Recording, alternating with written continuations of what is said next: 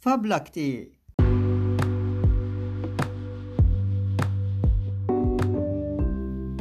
Dette er en podkast med innblikk i et flerspråklig klasserom, der vi jobber med norsk muntlighet og digital ferdigheter.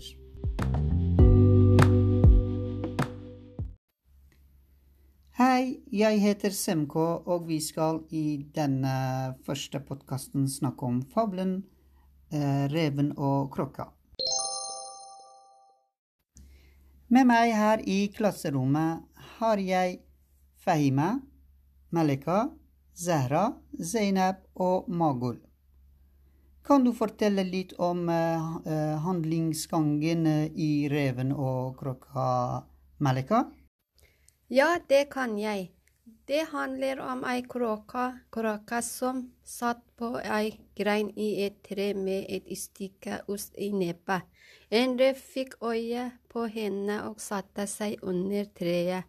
Reven begynte å smigre i og si pene ting og utseendet til kråka. Reven, reven fortsatte å lurte på om kråka hadde like vakker stemme som fjærdrakta. Kråka ville gjerne vise hvor flink den var til å synge. Med en gang krokka begynte å synge, datt selvfølgelig osten ut i nebbet. Reven var ikke så sein å spise opp osten. Hva er det vi kan eh, lære av fabelen, eh, Magul? Ja, slik jeg har forstått det, så må vi ikke la oss lure av eh, smiger og rus. Jeg tenker at visdom er bedre enn å ha et eh, pent utseende. Det er jeg enig i. Etter å ha lest mange fabler i klassen, hvordan vil du, hvordan vil du oppsummere hva en fablen er, eh, Magul? Det er en sjanger der vi blir mm, kjent med en eller flere dyr, og som har en moral på slutten. Det er rett og slett etikk, og derfor er det vanlig å lese fabler for barna.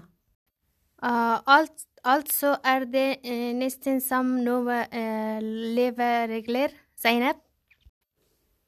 Ja, det vil jeg si. Hva synes du om denne fabelen, Fahima? Jeg synes det er ganske smart med sånne fortellinger, så de liker jeg godt. Dessuten er det korte og ganske enkelt i formen. Derfor er de lette for oss å lese. Vi som har norsk som andre språk, altså. Fabelaktig. Takk til alle som har eh, bidratt i denne samtalen.